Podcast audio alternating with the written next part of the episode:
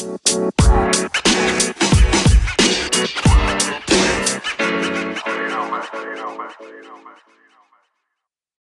27 Podcast'inin sunduğu Oyun Planı Podcast'inin 105. bölümüne hoş geldiniz. Bugün de Can'la beraberiz. Can hoş geldin. Hoş bulduk. Ee, NBA'de konferans finalleri başladı. Geçen bölümde de bahsetmiştik zaten. Ee, biz de bugün sizinle bir seride 3, diğer seride daha bir maç oynandı ama sizi daha fazla bekletmeyelim diye bugün böyle bir yayın yapalım dedik. Ee, öncelikle nasılsın? İyi misin? İyi miyim Onu her şey onda. Ee, Milwaukee'ye geleceğiz ama takım kaybettiği için burada bile. Ee, Bir matem havası var sanki. evet evet Chicago'ya bile geldi diyebiliriz o hava.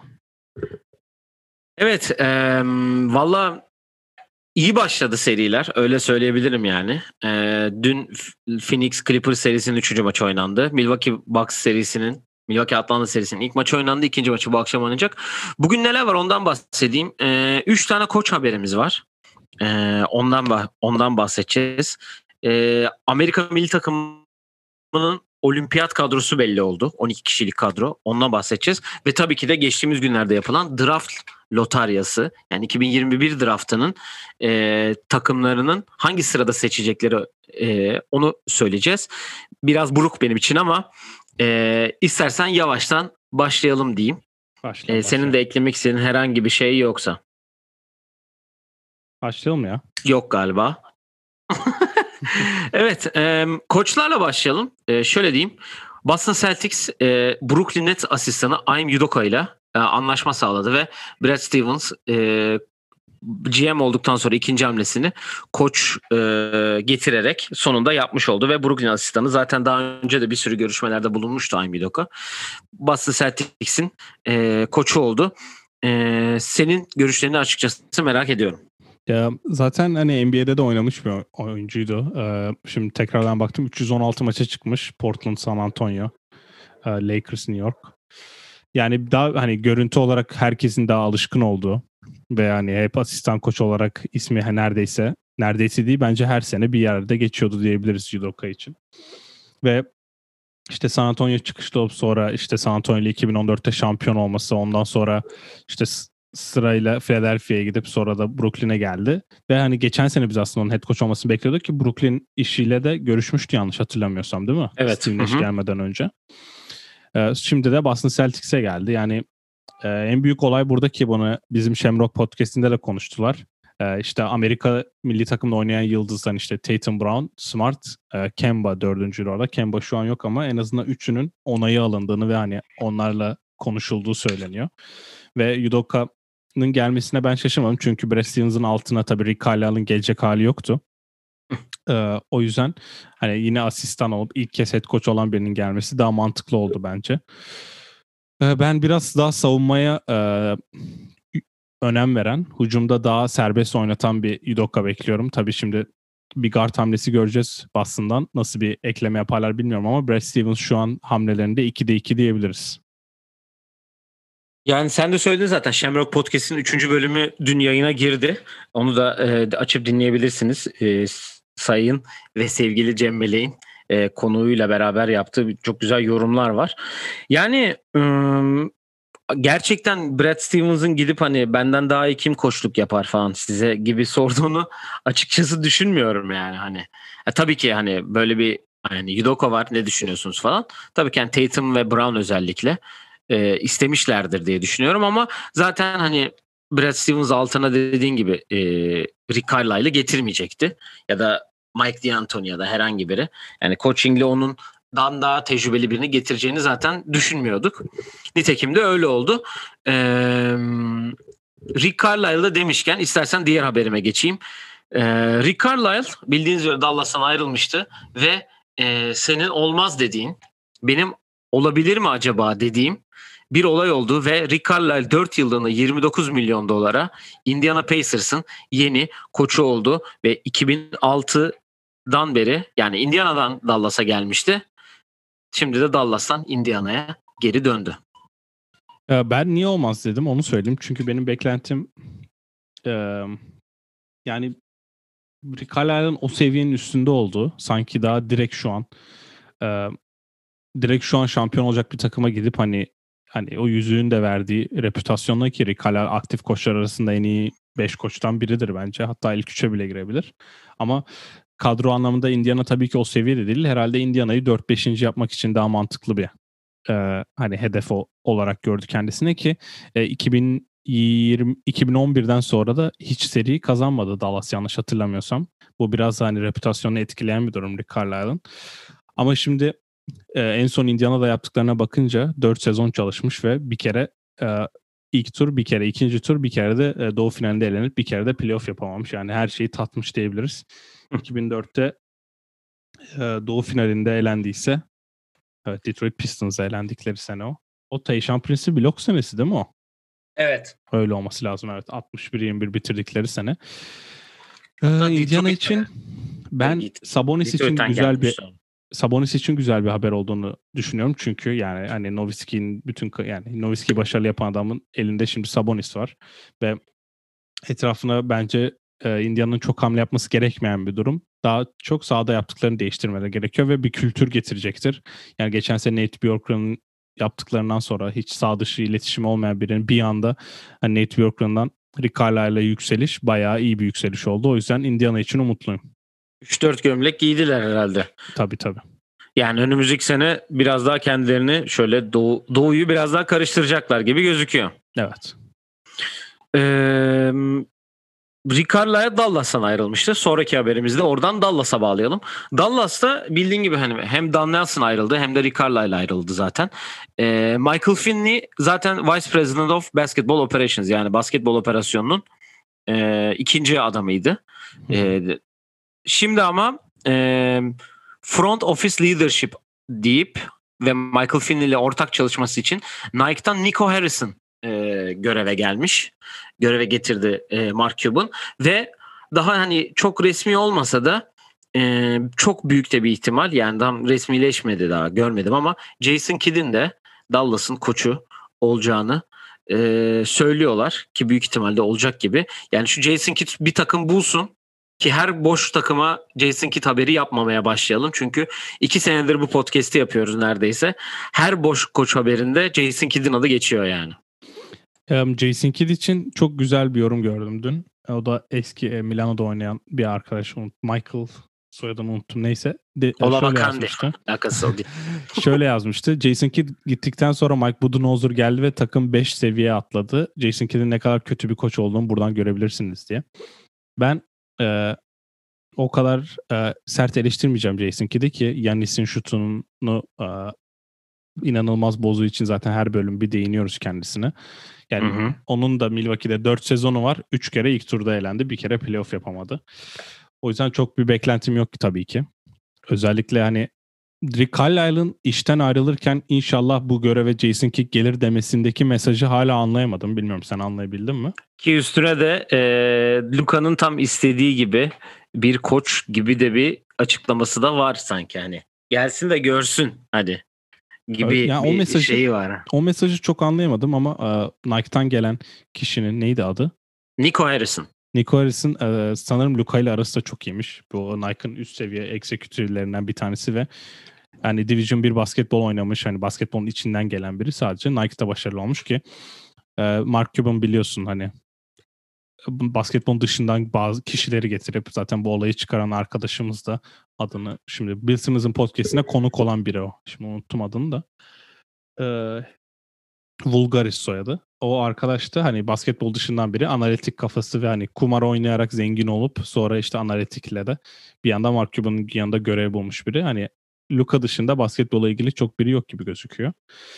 Jason Kidd de gelsin görelim yani. Benim çok bir beklentim yok. Jason Kidd'in nasıl bir koç olduğunu unutanlar varsa e, baksın Bulls'a kaybettiği seriyi bir izlesinler. Yanis'in Mike Donovan Jr.'ı neredeyse öldüreceği bir tackle'ı vardı. O seride o takım başında Jason Kidd var. Benim hiç beklentim yok. Luka da inşallah başka bir takım bulur kendisine diyorum. Çünkü Jason Kidd insanı basketboldan soğutuyor bazen. Yani belki bir şeyler kapmıştır iki senede Lakers'ta diye hani ne bileyim. Bilmiyorum. Bir şeyler Bakacağız. Bu arada Lakers'a da asistan gerekiyor. Alvin Gentry boştayken gidilebilir gibime geliyor. Hmm. Yani hatırlıyorsan ki e, Dirk Nowitzki'yi de e, ekibe aldıklarında sana dediğim hani Hendrik Carlisle ayrıldığında Jason Kidd neden olmasındı? Sen artık yok olmaz. Bu da olmazsa 2'de 0 yapmış olacaksın. Öncelikle seni bu konuda ayrıca tebrik etmek evet. istiyorum tabii ki de. Yine basketbola yön verdiğin bir konuyla. E, koçluk koç haberlerimiz bu kadar. Ee, sende de bir haber olmadığın var mı diye düşünüyorum. Yoksa hemen olimpiyat kadrosuna geçelim istersen. Geçelim geçelim. Ben de şu an bir şey yok. Bir şey aklıma gelir ama illa konuşur. Kesin gelir yani büyük ihtimal. Ee, ya geçen bölümde bahsetmiştik zaten bazı oyuncuların e, Tokyo kadrosunda e, olacağını ama 12 kişilik kadro o yayından bu yayına kadar e, kesinleşti. Girenler oldu, sonra tekrar çıkanlar oldu. Ben 12 kişilik kadroyu vereyim.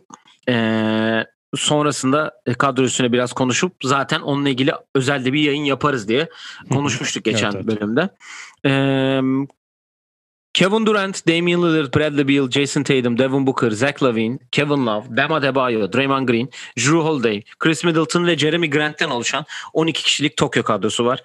2019'da e, Dünya Şampiyonası'nda e, 8. ya da 9 8 olması lazım olmuş bir Amerika milli takım var. E, bu reputasyonu toplamaya geliyorlar.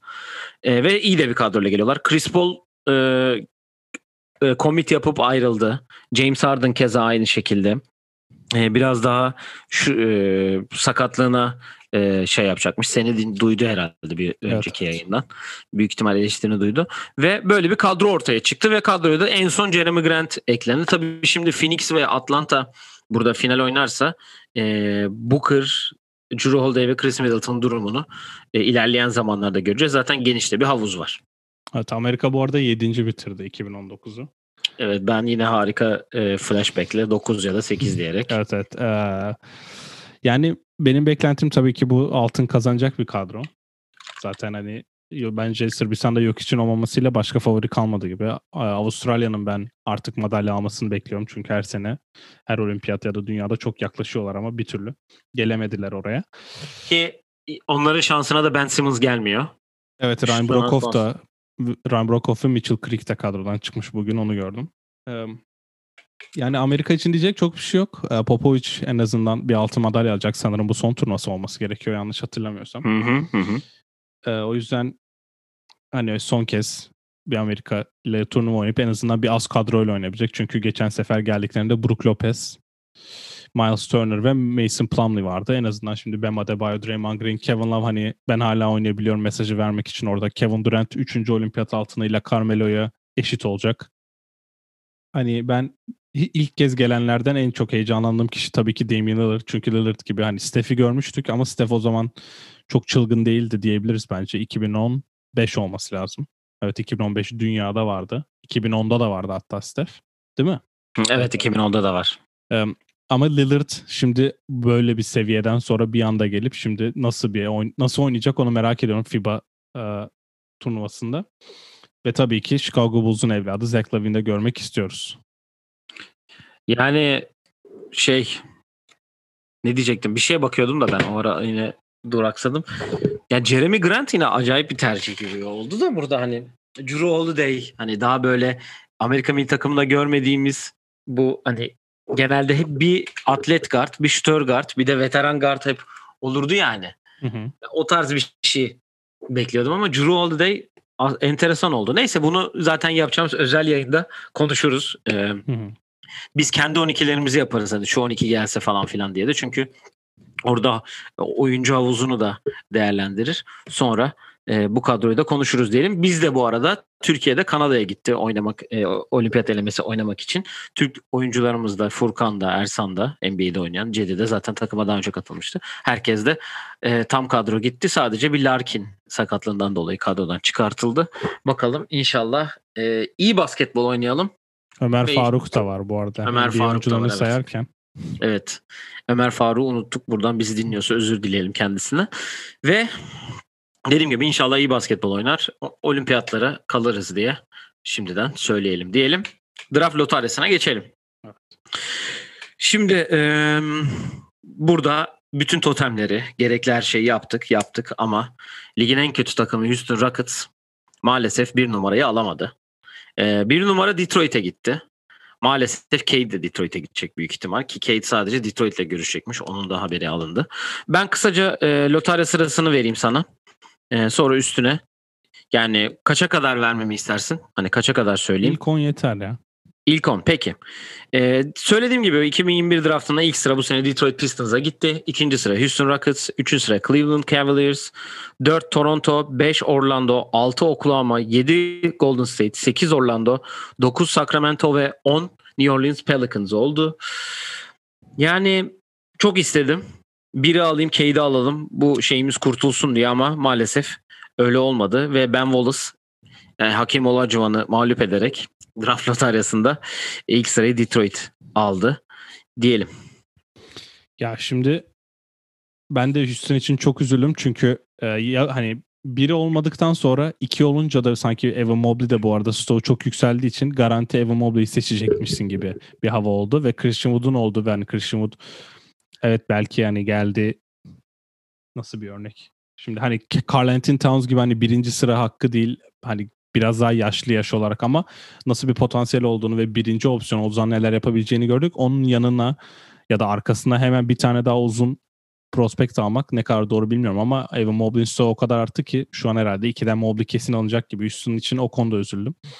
Ve üzüldüğüm bir diğer takımda aslında çok üzülmedim çünkü ben bu hani 37 tane draft hakkı toplayan da ne olursa olsun çok sevmiyorum. Ama Oklahoma'ya da bir tık üzüldüm çünkü 6 ve 8'i almak onların amacı bu değildi. Daha yukarıdan. Ee, Houston'ın şansı da yaver gitti. Şansı yaver gitmese hani Oklahoma'nın ilk 5'te 2 tane hakkı olabilir. Hem kendi hem Houston'ın hakkı. Ama onlar 6 ve 8'e gitti. Yani bu 6 ve 8'den 2 adam alıp takıma koymak yerine onları paketleyip yukarıdan birini e, yukarıdan bir hak alabilirler. Buna da Cleveland çok büyük aday gözüküyor. Ki Colin Sexton'a da takas aradıkları diye bir haber dolaşıyor ya, aslında. Colin Sexton orada yiyecekler o belli oldu. Bayağı üzücü bir durum. Ben çok beğeniyorum ve o şehri de sahiplenen bir kişi. O yüzden Sexton'ın kalmasını isterim. Oklahoma da öyle yapacakken benim tabii ki en mutlu olduğum takım de Toronto Raptors oldu. Kyle Lowry'nin free agency'de büyük ihtimalle ayrılacağı ayrılmasa bile dördüncü sıradan arkasına Jalen Suggs alıp 10-15 yıl kendi keyiflerine bakması Jalen Suggs, Fred VanVleet ikilisiyle guard pozisyon tamamlayacakları bir durum süper olur gibime geliyor. Yani ben Houston'la ilgili konuşayım tabii ki de. Başka bir takımla konuşacağım mı bakayım. ee, yani ben dediğim gibi bir numara çok istedim Cade'den dolayı. Çünkü Cade'i canlı izleme fırsatı da yakaladık. Geçen hani seninle beraberken aynı anda turnuvaya denk geldik ve hani ciddi anlamda onu izleme şansı yakaladım ve çok da beğendim ki uzun zamandır ilk defa bu kadar draft stoğu yüksek bir oyuncu geliyor. Hani nasıl diyeyim hani Lamelo'nun da yüksekti geçen sene belki ama yani Zion gibi diyeyim. Yani Zion draft stoğunda desek sanki daha doğru olur. Ee, öyle olduğu için hani bari hani Houston alsın ve rahatlasın hani bu kötü gidişe. Yani James Harden sonrası e, dönemi bari böyle bir yıldızla devam etsin de. Ama e, hem Christian Wood e, hem Kevin Martin Jr. hem de e, Kevin Porter biraz beleş oldu hani Houston için. Hani evet tabii ki şu an hani onlara bel bağlamak daha ne yapacaklarını bilmiyoruz sonuç olarak ama buraya Evan Mobley'i eklemek sanki hani iki uzunlu sisteme mi geçsek acaba tarzında olabilir. Tabii Silas'ın da ne isteyeceği belli değil. Yani Kate orada Killian Hayes'den mi top alacak? Sadik Bey'den mi top alacak? Onu da göreceğiz. Yani hani bu oyuncular aslında alternatifi olan oyuncular ilk iki sıradaki. Yani alternatif dedim seçilecekleri takımda biraz daha hani o pozisyon hani şu oyuncu bizde yok zaten diye bir şey hani sonuçta Kate topu yönlendirici yönlendiren oyuncu olacak Detroit'te ve zaten Killian Hayes var. Ya Hayes'le birlikte ben çok sıkıntı yaşayacaklarını düşünmüyorum. İkisi de hani öyle nasıl diyeyim John Morant gibi değiller yani. Hem top onlarda olması lazım ya da Zion gibi her top onu atması gerekmiyor. Daha ikinci playmaker olabilecek özellikleri de var. Hani şey Gilgis'ta nasıl olacaksa Killing Hayes'de de öyle olacak ki Killing Hayes daha o seviyede değilken topu K'de verin her şeyi o yapsın demek daha mantıklı olabilir ve hani Jeremy Grant da var. Hani Grant zaten bu seviyede çıkmışken Cade'in hemen onun arkasına gelmesi daha mantıklı oldu. Ve hani Detroit ben e, o hem oraya salona gittim oynadıkları salona hem de Ben Wallace'la da tanışma şansım olmuştu. E, şöyle bir durum oldu. Ben Wallace kesin biliyordu birinci tura birinci sıraya aldıklarını çünkü gülüyordu. Bayağı gülüyordu daha açıklanmadan. Sanki onlara da haber daha gitmiş gibiydi. Ama ben Wallace'ı da mutlu görmek sevindirdi. Sana şunu soracağım. Senin şimdi Alperen'i de istiyorsan söyleyeyim 12. sıradan Charlotte'a gitmesi bekleniyor. Büyük ihtimalle. Oklahoma'ya da yazmışlar onu. Ha, ok- evet, Oklahoma 16 değil mi ama? Ee, 16 sana- olması lazım sanırım. Benim gördüğüm Evet. oydu. Ee, senin hani tek böyle bir prospekt var mı hani böyle çok beğendiğin? Yani Cade zaten hep konuştuk. Evet evet. Ee, Evan Mobley'i öyle bir, bir kere falan izleme şansı yakaladık o turnuvada işte. Yani iyi bir draft class gibi gözüküyor. Hani işte e, tabii burada G oyuncuları da var. Jalen Green olsun, e, Jonathan Kuminga. E, G bu sene sezon geçirmiş oyuncular da var. Yani Rockets için Jalen Green'i de yazıyorlar. Yani ben bilmiyorum yok, hani. Kevin Porter varken olmaz. Yani işte Kevin Porter var, e, o var bu var. Nasıl bir şey olacak? Yani ikiden Mobley'i seçip belki hani bir türlü kullanırız gibi. Yani Alperen'in dediğin gibi 12. sıra iyi. E, belki daha da yükselir. Şimdi bu oynayacağımız turnuvada belki onun e, draft stoğu da artar. Çünkü sonuçta Kanada'da oynamanın vermiş olduğu da bir şansı var. Keza kendi takımları için hani gelecekleri daha belli olmayan Cedi için de aynı şeyi söyleyebiliriz. Ersan için de aynı söyle şeyi söyleyebiliriz diye düşünüyorum. Ya ben KG'yim yani. Ya evlat statüsünü onu oradan aldık gibi. Ama şu draft e, bu arada draft combine de Chicago'da yapılıyor şu anda. Evet, Onu evet da- burada var. E, söyleyelim. E, biraz daha bir başlasın bakalım. Drafta yakın. Zaten draft yayını da yaparız. Draftın tarihini tam hatırlamıyorum. Sen bir çek edip söylersen. Hani draft drafta yakın e, tekrar bir yayın yapar. Oradan bir evlat seçerim ben kendime diye 29 düşünüyorum. Temmuz'muş draft. O beraberiz o zaman. Evet. Evet senin de öyle bir seyahatin var bakalım. Evet. Ee, var mı eklemek istediğin herhangi bir şey yoksa e, istersen yavaş yavaş serilerimize geçelim. Serilere geçelim. Benim son diyeceğim şey de Josh Giddy. Avustralya'dan geliyor. Benim evladım olur şimdiden söyleyeyim. Maledon gibi mi peki? Evet. Evladın yani olur Maradona'dan daha büyük evlat bekliyorum. İnşallah oynayacağı bir yere gider. Suggs? Suggs zaten. Yani onu söyle. Geçen seneki Tyrese kategorisinde Suggs hani O, zaten. o kadar evlatı Tabii, yani. Tabii zaten o. Oo, pardon. Evet. e, bir yandan da tabii ki en büyük sahnede konferans finalleri devam ediyor. Ve bu konferans finallerinde Batı'da Phoenix e, Los Angeles karşısında seri dün 2-1 oldu. 2-0'dan dün Clippers Los Angeles'taki ilk maçı kazanarak seriyi 2-1'e getirdi. E, Doğu'da da e, Atlanta ilk maçı e, Milwaukee'de kazanarak seriyi 1-0 yaptı. İkinci maç bu akşam oynanacak. E, istersen hemen Milwaukee Atlanta ile başlayalım. Ee, sonuçta bir maç oynandı Ee, ve ilk maçı 113-116 son bir dakikada hatta son 30 saniyede e, attığı sayılarla kazandı ki Trey'in 48 sayı 7 rebound 11 asistlik inanılmaz bir performansı var. Ee, Trey yine şovunu yaptı kısacası diyebilirim. Ya şimdi e, Atlanta buraya gelirken hani Milwaukee ile e, fark olduklarını özellikle ben bunu maç izlerken de tweetini attım. Fiziksel olarak inanılmaz bir fark vardı. E, yani sahadaki beşleri karşısında işte Trey Young, e, Huerter, hani John Collins, Capela baktığında işte diğer tarafta Brook Lopez, Giannis, Joel Day Milton herkes fiziksel olarak daha büyük duruyordu Milwaukee'de ki ben bunu lisedeki hani varsity ve JV maçlarına benzettim fiziksel olarak. Kalite olarak tabii iki takım da hak ettiği için zaten konferans finalinde de. Ya, Triangle özel bir parantez açmak gerekiyor. Burada bence onun e, bu kadar oyunu diretmesi. Bunu sanırım birkaç bölüm önce söylemiştim. Hani süperstarın kötü oynayacaksa hani 11'de 3 atmasın. Hani 30'da 7 atsın, 30'da 9 atsın. Bu bazen daha fazla işe yarıyor.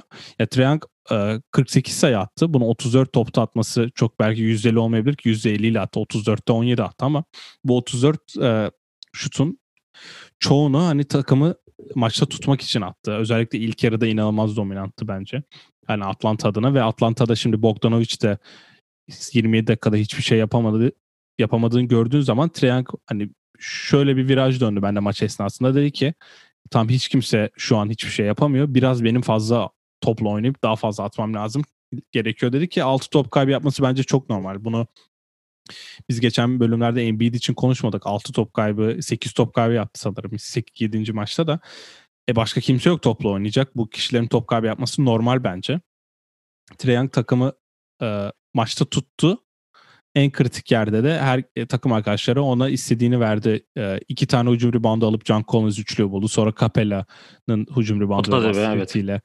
maçı kazandılar. Yani Milwaukee için diyeceğim tek şey de e, zaten herkesin böyle oynaması bekleniyordu. İşte Yanis el, normalini yaptı. Bence Drew Holiday de e, daha iyiydi. Özellikle net serisinden sonra 25'te 14'te 33 sayı atması evet. bence Ona onun için çok iyi haber ama Chris Middleton haterlığım tabii ki sona erdi ama 13, 23'te 6 da atmasın. Özellikle 9'da 0 üçlükte atmasın kendisi. 15 sayı atmış bu arada. E, Milwaukee biraz daha vidaları sıkarsa ben bu akşam seriyi 1-1'e getireceklerini düşünüyorum. E, Milwaukee'den 0-2 dönmek bayağı e, kötü bir haber olur. Milwaukee e, için kötü bir haber olur. Milwaukee, ay pardon, Mike Budenholzer'ı da hep eleştiriyoruz ama iyi bir şey yaptığında da övelim. Üçüncü periyodun ortalarında olması lazım ya da sonlarına doğru. Yanis'i 5'e koyarak her şey Switch 5'ine döndü. Ondan önce Treyang zaten floaterlarıyla show yapıyordu. En azından Budenholzer maç içinde bir adjustment yapabildiğini gösterdi. Çok güzel bir seri oluyor. Atlanta'nın ben çok sürpriz yaptığını düşünmüyorum. Hala 6 ya da 5 maçta Bucks kazanabilir ama Capella'nın bir daha 19 rebound e, ve John Collins'in de bir daha 23 sayı 15 rebound yapacağı bir maç beklemiyorum onu söyleyeyim. Yani Atlanta olarak şunu söyleyeceğim. Ee, maçla alakalı. John Collins ile Trae Young'ın yaptığı alüp nasıldı ya? Ya ben Panya'dan onu ilk ya, izledim. Onu Panyalı. söyleyeyim baştan da onu bir konuşalım sonra ben yorum yapacağım çünkü. Panyalıydı. Ee, yani önce elinden floater elinden kaydı sandım ben. Ama sonra hmm. Trae gösterdi. Sonra tekrarını izleyince bilerek panyadan attığını görüyorsun. Açı yoktu. Dedi ki ben bunu panyadan atarım ki bunu bazen idmanlarda da yapıyorlarmış. O yüzden hani ki, çok şaşırılacak bir şey değil ama Trae yani inanılmaz bir adam. Ki e, ilk preseason beraber oynadıkları ilk preseason maçında da yapmışlar bunu. Ha evet. Onun Sana da bir görüntüsü var. Pas atarken şöyle atayım. Treyan 48 sayı atıyorsa bence 11 asist yaptırmamanız lazım. Sence e, ne yapmaları lazım bu konuda? Bucks mı? Evet. E, ya şöyle Atlanta'yı bitirip senin bu soruna cevap vereyim ben kısaca. Atlanta olması gerektiği gibi basketbol oynuyor bence. Yani Hı-hı. kendi nasıl oynuyor? New York serisinde nasıl oynadılar? Philadelphia serisinde nasıl oynadılarsa onu oynuyorlar zaten. Bogdanovic'in bir sakatlığı var ondan yararlanamıyorlar. Ondan da yararlanırlarsa e, enteresan bir durum olabilir bu akşam ve serinin geri kalanında. Hani Atlanta'nın çok fazla söyleyecek bir şeyi yok açıkçası. Bence bu sene buraya gelmeye hak eden bir e, basketbol oynadılar. Onu em, tabii ki de söyleyeyim ben. E, diğer doğu takımlarına baktığımız zaman. E, Milwaukee için şunu söyleyeceğim. E, genel olarak bir kere Milwaukee'nin Atlanta'ya Atlanta basketbolu oynatmaması lazım. Kendi basketbolunu kabul ettirmesi lazım. Çünkü favori Brooklyn. Ay pardon Brooklyn demişim ya pardon. Milwaukee. Evet. Ee, Milwaukee kendi basketbolunu oynayacak ki maçı kazansın. Bu da yanisi 5 numaraya atmakla oluyor ki Mike Budenholzer bunu 3. periyotta gördü. Daha önce oynadığı serilerde de bunu yapınca zaten maçı ya kazandı ya da hani kazanma raddesine geldi. Yani bu Yannis 5'te oynayacak. Bunu birinin hani ona söylemesi gerekiyor. Kim söyleyecek bilmiyorum. Artık tribüne gidip bağırırlar mı? Ne yaparlar? Çünkü asistanları belli ki söylemiyor. Belli ki maç videosu da izleyip anlaşılmıyor kimse. Kimse anlamıyor. Yani bu orada oynayacak abi bu adam 5 numara. Brook Lopez oynamasın yani. Evet. Yani gözünü seveyim. Ee, ya Milwaukee onu yapmak zorunda olduğunu düşünüyorum ben yani. Kendi basketbolunu oynamak zorunda. Maçın e, genelinde şunu söyleyeceğim. E, bir pozisyon var maçın en son topu. Bu Chris Middleton atıyor. E, dönen top hücum reboundu oluyor hatta. Yani hücum reboundu oluyor. 111-112 maç. E, Atlanta önde ve 20 saniye 24 saniye mi ne var? O mola dönüşü, mola dönüşü. Yok işte Middleton, Middleton atıyor. Hücum reboundu oluyor pozisyon. 112-111 26.7 saniye var. Hücum süresinde olmasına 20 saniye var. Tamam o, o mola dönüşü. Yani PJ Tucker köşede boş. Ee, Chris Middleton bir adım atıp geri alabilir topu ve boş tutabilir ki yetişemez Kevin Herter öyle pozisyonda. Topu Pat Connington atıyor ve airball oluyor. Yani yani bunu süreye bakıp yani Milwaukee'de top son maç topunu Doğu finalinde Pat Connington atacaksa kardeşim hiç geri kalanına çıkmayın direkt çekilin. Yani bu topu Middleton atmayacaksa ya da Yannis içeriden atmayacaksa Pat Connaughton niye atıyor? Evet. Ya bu konuda ben eleştiriyorum. Çünkü ben ilk bu pozisyonu izlediğimde hiç süreye bakmamıştım. Sonra kafayı indirip şöyle kaç kaçtı acaba? Çok yazmışlar çünkü Pat Connaughton game winner kaçırdı diye. Baba bir baktım zaten 20 saniye var daha hücum süresinde olması ama maçın bitimine 26 saniye var. Evet evet. Ya o klasik işte Mike Budun al sana Mike Budun oldur yani. Ya kesin. Bir de zaten bu arada Jeff Teague Trae Young'a e, savunma yapıyor. Screen altından geçiyor. Abi yani Zaten bu küçük takımda öğretiyorlar ya. yani küçük takımda öğretiyorlar bunu yani gözünü seveyim. Biz küçük takım maçında abi altından geçme üstünden geç dediler o skorer adamlara. Ya Drew Holiday bir yerde o bu Shimi yaptığı pozisyon var Triangle'ın boş kaldı. Hı hı. Orada hani üstte çok fazla oradan geçeceğin zaten. O tamamen Trey'in yeteneğinden kaynaklı o şey de. Yani Jeff Teague bu kadar satacaksa kardeşim içindeki Atlanta formasını çıkarsın göstersin. E, Jeff İçeride oynamaması lazım zaten. Bunu dediğin Rajan yani bunu dediğin Patrick Beverly biliyorsun neler yapıyor. Evet. Öbür Şöyle bir seriden. şey ekleyeceğim o son topla ilgili.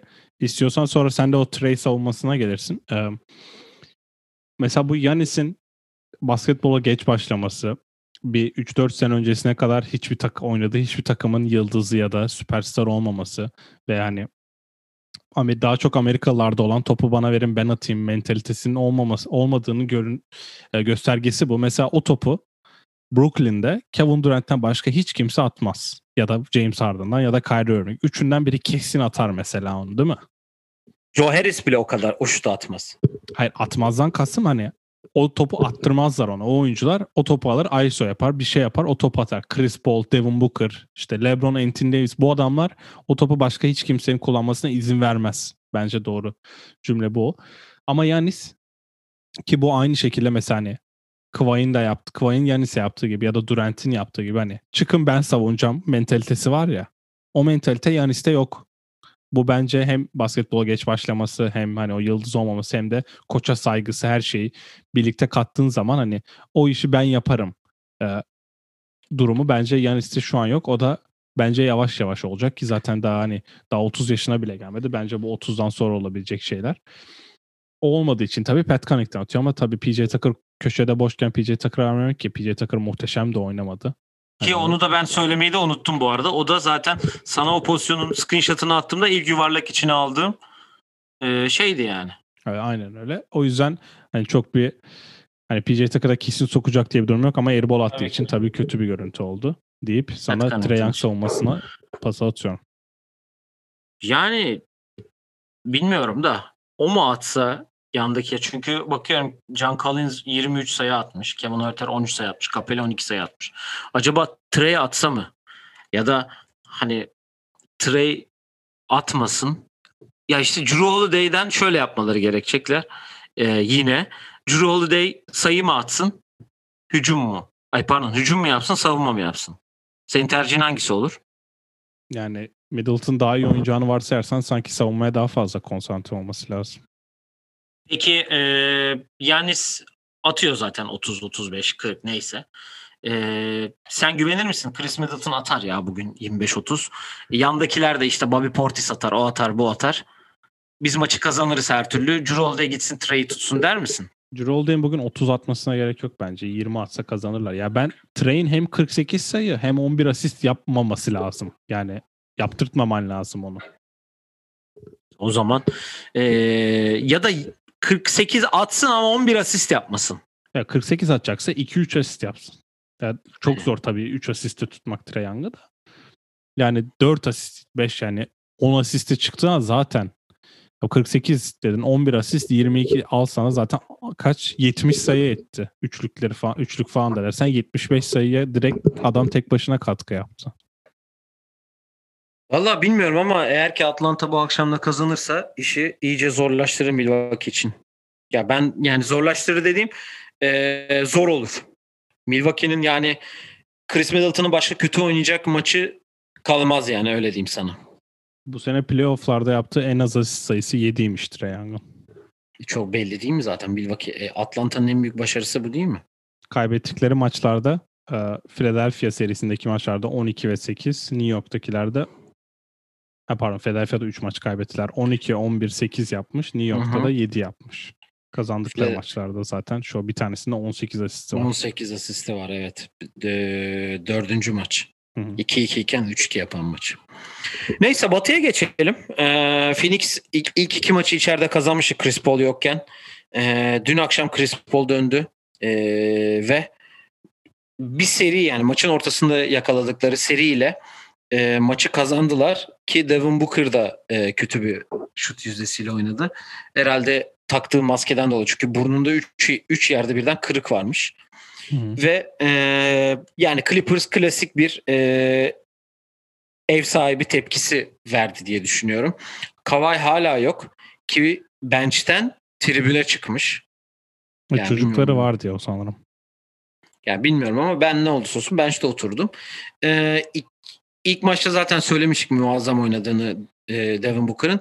İkinci maç Cameron Payne game oldu. Resmen 29 sayı 9 asist yaptı. E, Devin Booker bana gerek bile yok dedi ama bence o maçın zaten son saniye e, dip seti inanılmaz bir kart vizitlik seriydi yani. Hı hı. E, Jay Crowder'ın pota dibinden topu çıkartıp ya DeAndre Ayton'un 0.9 kala direkt içine smaç yapması e, maçı kazandırdı ve seri 2-0'a getirmişti ki dün akşam e, Clippers bir tepki verdi. E, Paul George'un 27 sayı, 15 rebound, 8 asisti ve bence bu sene playoff'ların en iyi üçüncüsü, üçüncü oyuncu pardon dördüncü oyuncusu olan e, Reggie Jackson'ın da 23 sayısı var. Ya şimdi bu seri biraz daha hani biz çok konuşanımız için ikinci maça da biraz değinmek lazım bence. O Clippers'ın e, kaybettiği için hani kafasını kıracağı bir maç. Bence e, kesinlikle kazanmaları gereken bir maçı. Hem Chris Paul yokken hem Devin Booker hani çıktı geldi. Cameron Payne'e maç vermek.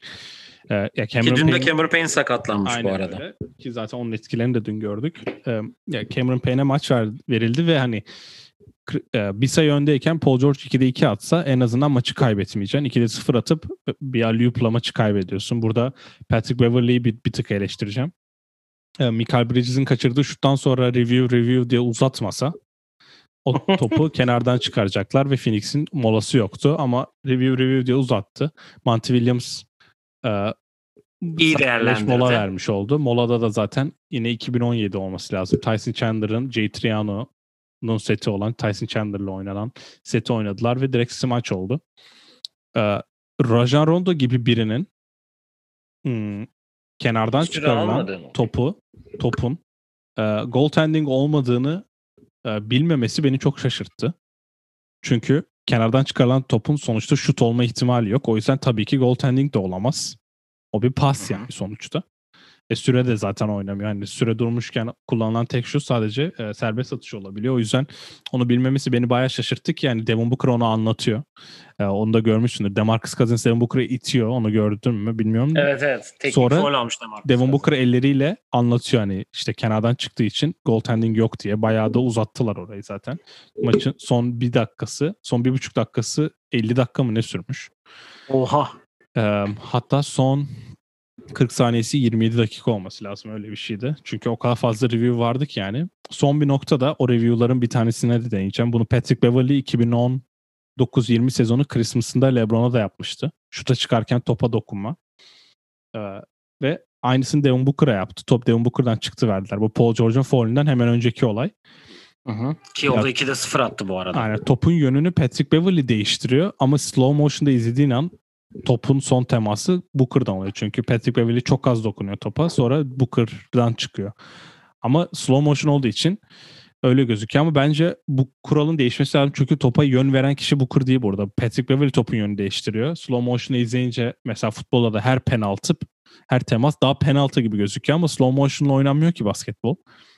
O yüzden o kuralın bence bir tık değişmesi lazım. Ee, basketbol açısından bence bayağı saçma bir olay oldu. En azından Suns kazandı maçı ama bugünkü ma- e, dünkü maça da gelecek olursak e, hem Chris Paul hem Devin Booker'ın toplam 40'ta 10 attığı bir maçı. Clippers bir zahmet kazansın diyeceğim. Maçın ortasında 21-3 seri yaptılar ki Terence Mann yine orada büyük bir rol aldı. 5 kısa oynadıkları bir dönem vardı. Zubac 32 dakikada 15 sayı 16 rebound yaptı. Bir daha böyle bir katkı yapar mı bilmiyorum da Reggie Jackson ve Patrick Beverley bence çok kritik basketler bularak ki Patrick Beverley maçı bitiren üçlü attı onu söyleyebilirim. Evet dipten. 10 onun dışında da e, Clippers ben bir bir yaparsa işler değişir demiştim. Üçüncü maçı böyle kazanmaları da işleri değiştirebilir. Chris Paul'un bir daha bu kadar kötü oynamasını beklemiyorum. Devin Booker da Richard Hamilton'la konuşarak zaten gerekli tiyoları almış. En büyük tiyo neymiş biliyor musun? Maske takmada. Neymiş? E, maç başladığı an asla maskeyi çıkarma demiş. En rahat öyle dersin. Çünkü çıkardığın an e, bir de aynı şekilde takamazsın falan. Aynı, aynı şekilde takama değil şey yani maskesiz daha rahatım diye geri takmak istemezsin o zaman da mental olarak seni öf bu rahatsız ediyor yapar demiş. Bu arada Richard Hamilton'a da buradan e, selam gönderim. Kendisi yeni bir maske business'ı başlatıyormuş. Bir maske satmaya başlayacakmış. E, Devin Booker da hani ilk maçı da böyle geçtikten sonra şu an ben hala e, Phoenix'i direksiyonda görüyorum ve e, dördüncü maçı Phoenix kazanacak diyeceğim. 3-1 olur bu seri. 3-2 Clippers yapar 4-2 Phoenix kapatır gibime geliyor. Devin Booker şu maskeyi siyah yapsa daha iyi olacaktı ya. Ben Yok ama o... yasak yasak. Ha yasak mı onlar? Evet o kural değişti ya. Peki. Henüz bilmiyordum bunu. Öğrenmiş oldum. Yani e, ikinci maçla alakalı yani genel seri olarak bir kere Clippers en büyük kozunu ikinci maçta oynayıp maçı kazanamaması kötü oldu. En büyük koz e, pardon Clippers'ın en büyük kozu dedim değil mi? Doğru söyledim. Hı hı. En büyük kozu neydi Clippers'ın? İkinci maçta olan Scott Foster. Onu evet. kullanamadılar. Ama Chris Paul yoktu ondan. Ama Chris Paul yoktu tabii. Öyle bir Şöyle bir 6. maça bekliyorum ben bir Scott Foster ataması daha. 3-2 iken. 3-2 iken bir Chris Paul Scott Foster eşleşmesi göreceğim ben. Göremezsem rahat edemem çünkü. Ee, yani Paul George'u öv diyorsun bana. Adam gidiyor ikinci maçın sonunda 2'de 0 foul atıyor. Şimdi ben bu adamı nasıl öveceğim? Ama dün daha maçı Nasıl oldu. övmemi bekliyorsun? Ya dün maçı aldı Reggie Jackson 23 sayı atmasaydı alamıyordu ama. Terence Mann yine 12 sayı. Hani şaka bir yana hakikaten iyi playoff geçiriyor. Hani Paul George o e, playoff P diye yediği damgadan sonra hani şu an Kawhi da yok. E Kawhi olmadığı için de zaten daha da iyi basketbol oynuyor ki bence hani ne kadar sevmesem de bir borcu olsa da bana genel olarak iyi bir playoff geçiriyor Paul George. Evet. Hani onu söyleyebilirim yani. İyi de öldür hakkını yeme. Ee, yani ben hala Phoenix'i daha önde görüyorum. Sonuçta e, Chris Paul da bir maç oynayacak. Devin Booker'la Chris Paul bir daha toplam 40'ta 10 atmayacaklar diye düşünüyorum. Ki dediğin gibi Zubac'ın 15 sayı 16 rebound. Yani Cameron Payne'in dönüşü çok kritik olacak Phoenix için yani cidden 2021'de hala Cameron Payne'in bu kadar e, önemli bir rol oynayacağını herhalde düşünmüyorduk ikimiz de diye. Hatta evet, biz evet. ikimiz değil kimse düşünmüyordu yani. Ve ciddi şekilde e, takımın yani ikinci maçta 29 sayı 9 asist ki yani attığı sayıların çoğu da boş turnikeleri var ha. Geçiyor Çünkü atıyor yani. 5 kısa 5 kısalı savunma beşini çok iyi e, ceza kesiyor. Çünkü herkesi geçmeye geçebiliyor. Geçtiği zaman da zaten pota koruyucusu da yok. Boş turnike atıyor yani. Yani çok enteresan. Ben şey diyemeden bu arada o konuda biraz üzgünüm. Devin Booker da çıkıp bir maç alacak diyemeden Devin Booker birinci maçta kariyerin ilk triple double'ını yapıp o maçı aldırdı. Peki ha, yani sen hala Phoenix önde diyorsun değil mi? Ben 6'da Phoenix diyorum. Chris Paul uh, Los Angeles'ta Clippers'ın sahasında Clippers'ı yenip uh, finale çıkma şansını kullanır gibime geliyor. Covid şey olmaz yani. Covid ona bulaşmaz diyorsun. Bir tık hani bir tık çok oynayamamış Covid'le ama uh, Chris Paul bu. Vücuduna iyi bakan biri. Onlar da yine yarın mı oynuyorlar? Bu bir gün ara sanki çok ee, yarın yoğun evet. 26 Haziran'da. 26 ee, Haziran. Bugün Bucks yarın evet her herkes bir gün ara yapıyor. Off gün Aynen. kalmadı evet off gün yok artık. Ee, 27 ve 28'inde maç yok. Dördüncü maç.